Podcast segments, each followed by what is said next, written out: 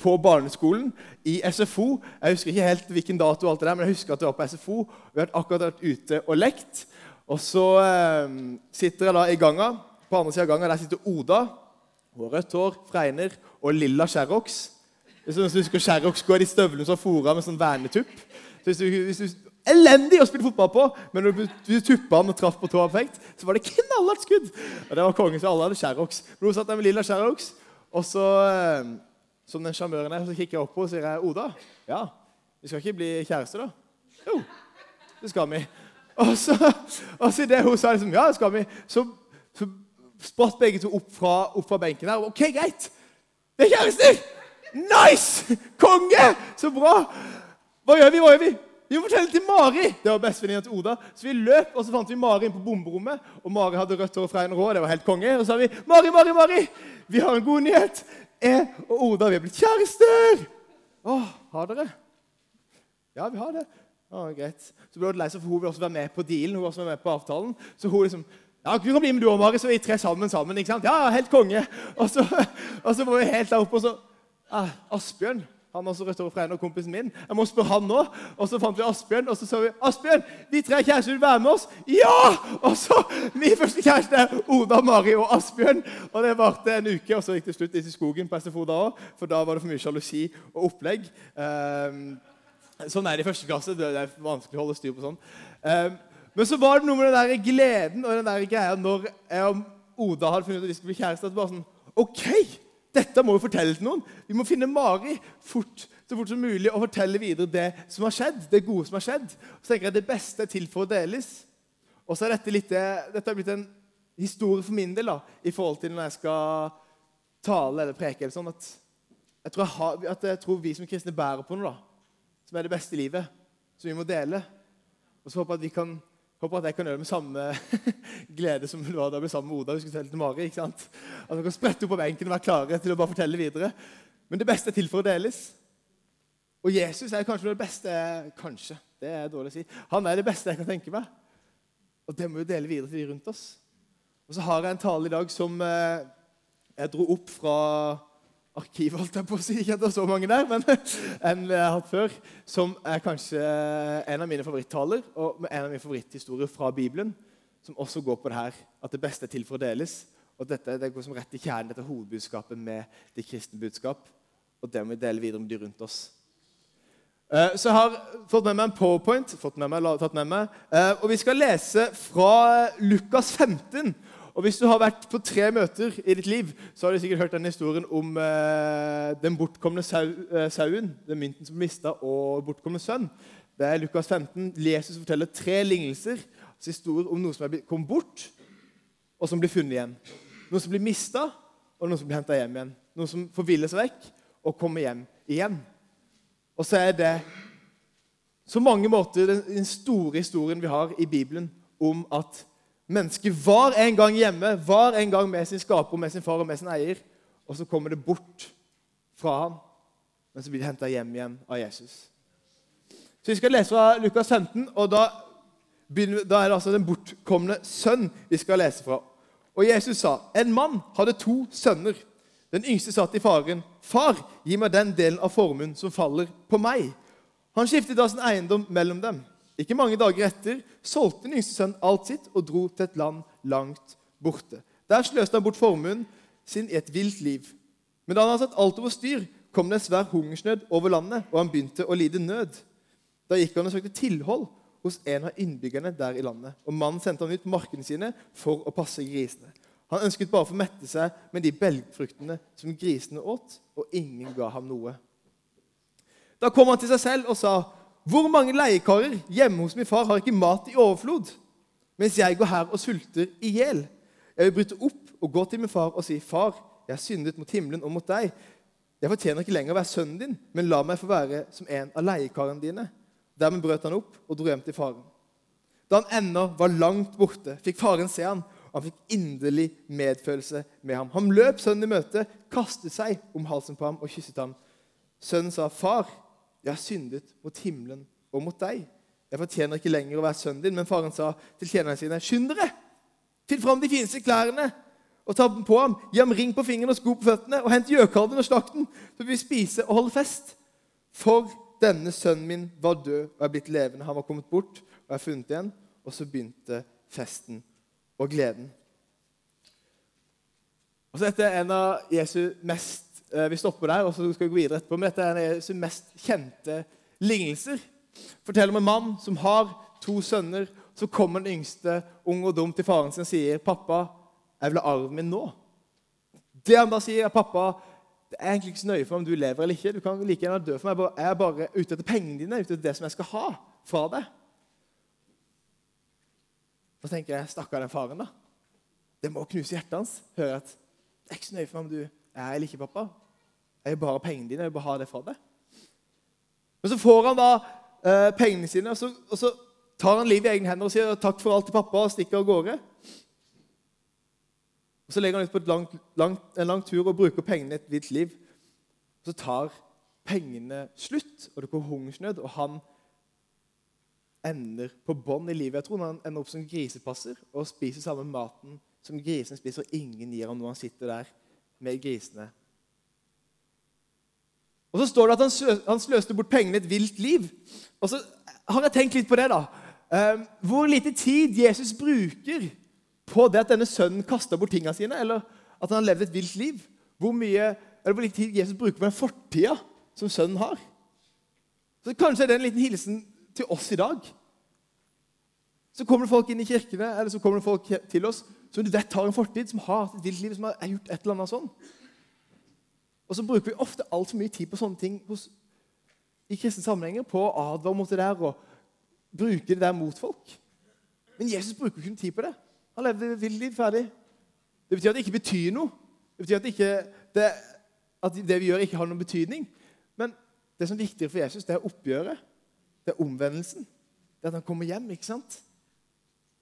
Så det er bare et vilt liv, og så går vi videre. Og er det sånn i våre sammenhenger? Kan vi ha en tendens til å bruke fortida til folk mot dem? Eller vår egen fortid mot oss selv? Det ville livet jeg en gang har levd, eller det som ligger bak? Er ikke verdig noe. Ikke, er ikke, men For jeg har gjort alt det her, og så bruker de mot oss. Jesus bruker mye mer tid på oppgjøret og omvendelsen. Det er der tyngden ligger. Og så En pastor sa til meg en gang Oddvin Larsen heter han i Søgne misjonskirke. Han sa at det beste med det som ligger bak, det er at det ligger bak. Og så er det så fint. Ja, det er så godt at det som ligger bak, det ligger bak. Så skal ikke vi ta, med, ta oss med det videre og bære på det nå. Og så er, og så er sønnen der, sitter som grisepasser, og så står det at han kom til seg selv. Og det vil si at han ikke var seg selv før. Ikke sant? At det var noe, at Jeg tror kanskje i det livet han levde ut, at det var han ikke seg sjøl. Så kom han til seg selv og så kom han på at jeg har en pappa. Jeg har en far. Så var masse overflod. Han var rik. Kanskje ikke bare penger, men på liv. Og tjenerne, de som har en lavere status enn det jeg egentlig har hos far, de har mye mer enn det jeg har nå. Så kommer han til seg selv. Så kommer han på at han har en far. Han kommer på identiteten sin, tenker jeg da. At jeg tilhører jo han der. Jeg tilhører jo pappa. Jeg har en skaper og en far der hjemme som, der jeg egentlig hører hjemme. Det er jo ikke her jeg er skapt for å være. Det er hjemme hos far er skapt for å være ment å være. Han kommer på hvor han kommer fra, hvor han har røtten sin dypest sett, hos faren sin. Han kommer til selv og kommer på hvor han egentlig hører hjemme, hos sin far. Og så blir den der, eh, så lager han den talen sin som skal gjøre klar for faren sin. 'Pappa er synda mot himmelen mot deg. Kan ikke jeg bare bli som en av leiekarene, som, som en av tjenerne dine?' Jeg trenger ikke få det jeg hadde, men bare litt, jeg kan være litt lavere status enn jeg ellers hadde før. Så lager han talen, og så går han hjem, og så, ser, og så er det en som står og speider etter ham. Så er det en som står og venter etter ham. En så kommer han løpende i møte og kaster seg om halsen på ham, og det er faren. For han har lengtet etter sønnen sin. ikke sant? Han har venta på at han skal komme hjem en dag. Så tenker jeg at det at faren løp han i møte på den tida, det var en skam for voksne mannfolk å løpe. Det var noe barn gjorde. Men det bryr ikke faren seg om. Han kan godt gjøre seg til skamme for sønnen sin, for han vil bare møte sønnen sin igjen. ikke sant? Det er ikke så nøye for om han driter seg ut. Unnskyld ordspråket. Dummer seg ut.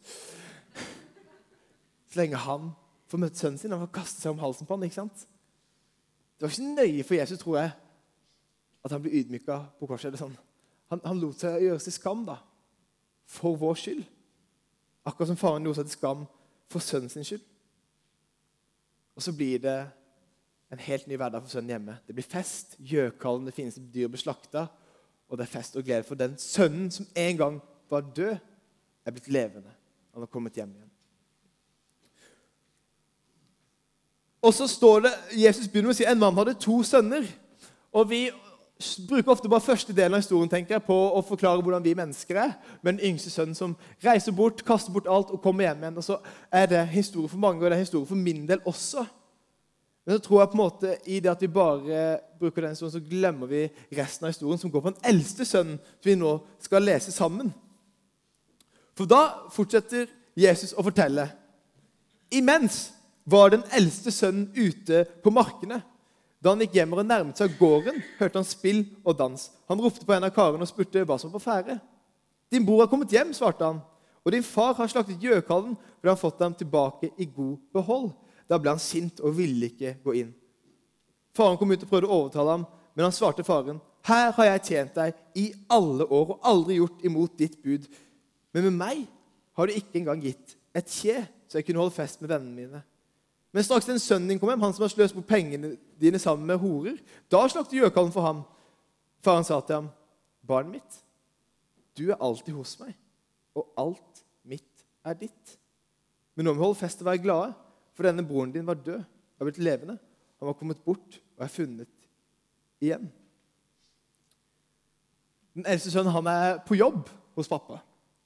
Han står sikkert på endte dag ute i marken og jobber for faren sin. På vei hjem så hører han at det skjer et eller annet hjemme. Det er fest, det er glede. Og så han hører at den der lillebroren hans, da, som har tatt alle pengene til pappa og kasta det bort og, og dumma ut hele familien og ikke brydd seg, ikke sant? Han kommer hjem, så får han fest. Kan ikke alle som er storesøsken, rekke opp hånda og synes at det er urettferdig? Ikke sant? Altså, vi kjenner følelsen. Søstera mi fikk mobilen da hun var ni år. Jeg fikk da jeg var elleve. Og storesøstera mi fikk da hun var 13. ikke sant? Det er jo urettferdig hvert år som går, hvert søsken som går. Men, det, men jeg skjønner jo han storebroren da, som blir litt irritert på at ja, Skal han få fest, ja? Ok, Hva har han gjort for å fortjene festen? Jeg har vært snill. Pappa, jeg har jo stått her og jobba og stått på for det. Og så får jeg ingenting med han der Han der, ja. Han får fest. Han får glede.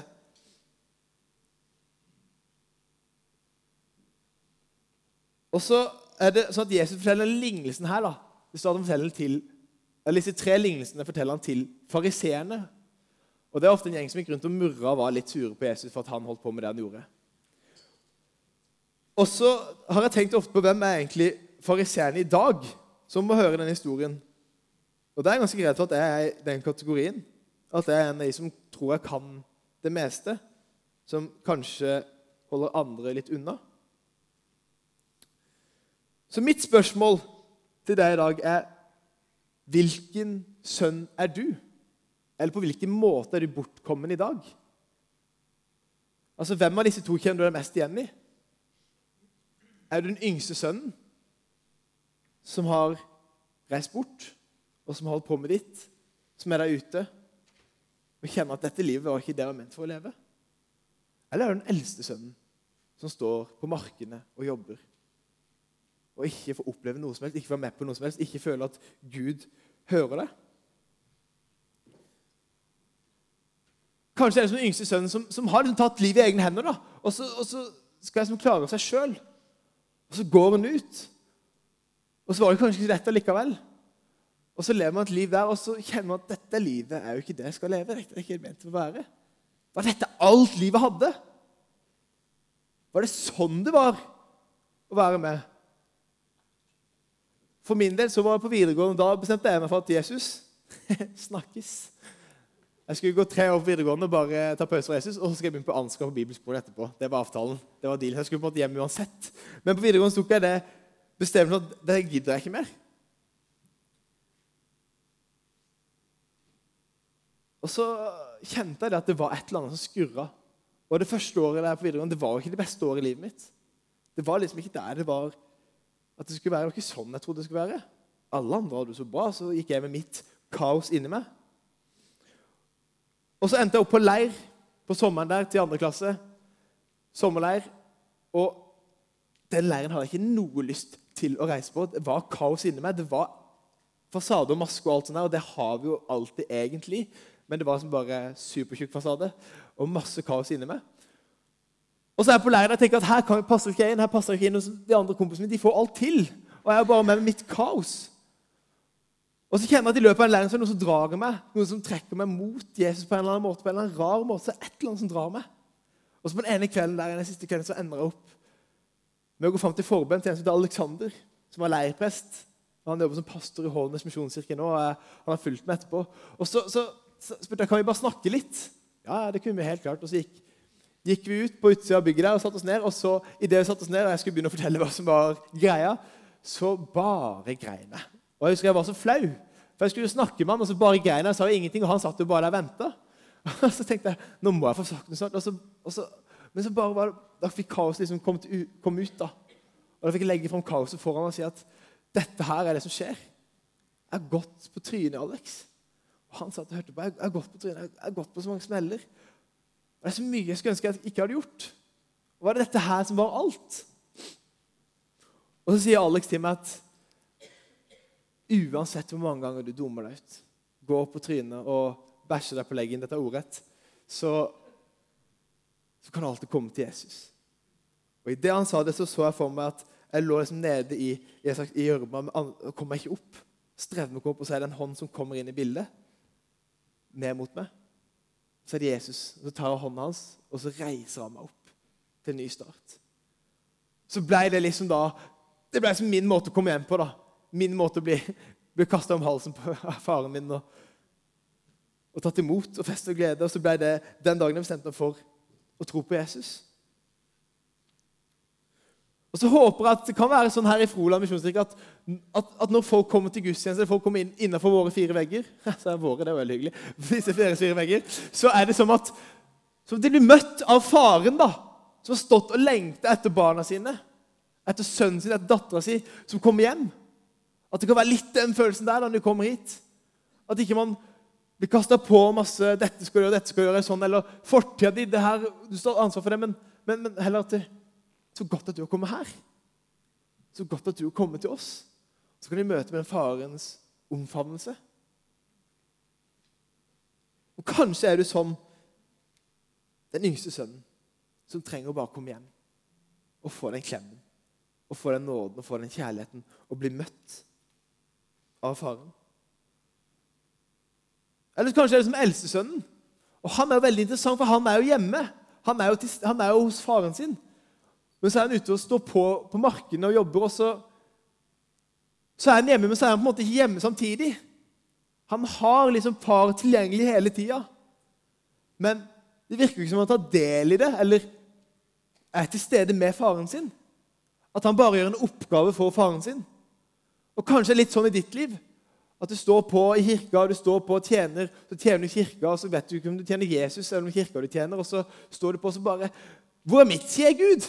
Hvor, nå, skal jeg, nå skal jeg liksom få noe, eller nå skal jeg oppleve noe. Når er det min tur? Kanskje står du her, eller er med her av plikt, fordi du føler at du må. Du føler at det er en far eller en sånn streng greie som holder, deg og sier at du må stå på, du må jobbe for meg. Og så er det som far tilgjengelig, men samtidig så er, så er pappaen tilgjengelig, så er, ikke, så er ikke du tilgjengelig for han. Så du graver deg inn i et eller annet her innenfor kirkas fire vegger eller inni ditt eget liv. Og Du tror på Jesus, og du leser i Bibelen og du ber, og alt sånt, men, så, men, så, er du på en måte ikke med, far, med faren din, så er du ikke helt der. For min del, Vi var i Tyrkia for noen år siden. Og da skulle jeg ha vært på restaurant, kose oss, jeg og mamma, pappa og familie. Og sånn, og så spurte pappa om jeg bli med og løpe før frokost dagen etterpå. Nei, aldri i livet man skal bli med på det, pappa. Før frokost er du gal. Ja, greit, det er han. Og så spurte han fetteren min om han ville bli med. Ja, han var med. Og så tenkte jeg bare nei. Og så husker jeg Det var så vondt at pappa ville være med noen andre enn med. Det var jeg som sagt nei. altså det var jo det. Men når da pappa kom inn og henta fetteren min før frokost, de skulle ut løpe, så husker jeg kjente på at pappa spurte jo meg òg om jeg ville være med, og så sa jeg nei. Jeg hadde jo han på en måte tilgjengelig, men så tok jeg ikke, tok jeg ikke bruk av det tilbudet der. Jeg tok ikke bruk av at han spurte om jeg ville være med på det. Så tror jeg mange lever kristenliv sånn at vi, ja, vi tror. Eller vi tror at vi tror. Men så, så har vi vår far tilgjengelig. Men så gjør vi ikke noe med det, så er ikke vi tilgjengelige. Kanskje er det et, en tjeneste i kirka eller en tjeneste som, har, som, står i veien for det. Man føler at man er kalt til en tjeneste. Og så sier en som heter Magnus Malm, men det kommer på veggen det at uh, Kallet er et kall til Jesus. Sendelsen er at Jesus sender meg ut i et oppdrag. Og så sier han at han skiller på det at vi har et kall, og det er hovedsakelig til Jesus. Men alle andre oppgaver eller tjenester eller vi går inn i, det er sendelse. Og det begynner i et kall hos Jesus før vi går og gjør noe. Så kanskje er det noen som blir kalt hjem til far nå. Så hvilken sønn er du, og på hvilken måte er du bortkommen i dag? Hvem kjenner du deg mest igjen i? Kanskje er det et urettferdig spørsmål, for du kjenner ikke igjen i noen av dem. Og Gud velsigne deg. Det er jo kjempeheldig. Men for min del så hadde jeg en vår der jeg var som den eldste sønnen. Ehm, jeg jobba i kirka, jeg studerte, og min relasjon til Jesus var litt stygt sagt og litt keite sagt, men det var litt som en skilsmisse. Fordi vi hadde aldri kontakt. Men vi møttes annenhver helg, for da hadde vi samme barn. For da måtte jeg passe ungdommen i ungdomsarbeidet mitt. ikke sant? Så var det litt sånn det var. Så var det liksom ingenting. Og så husker jeg at det var så vanskelig å skulle være leder, forbilde, for, alle, for disse ungdommene når ikke jeg hadde noe trosliv sjøl. Når ikke jeg følte var noe med ikke var noe med Gud. Ikke hadde det der gående, jeg ikke opplevde en tett relasjon.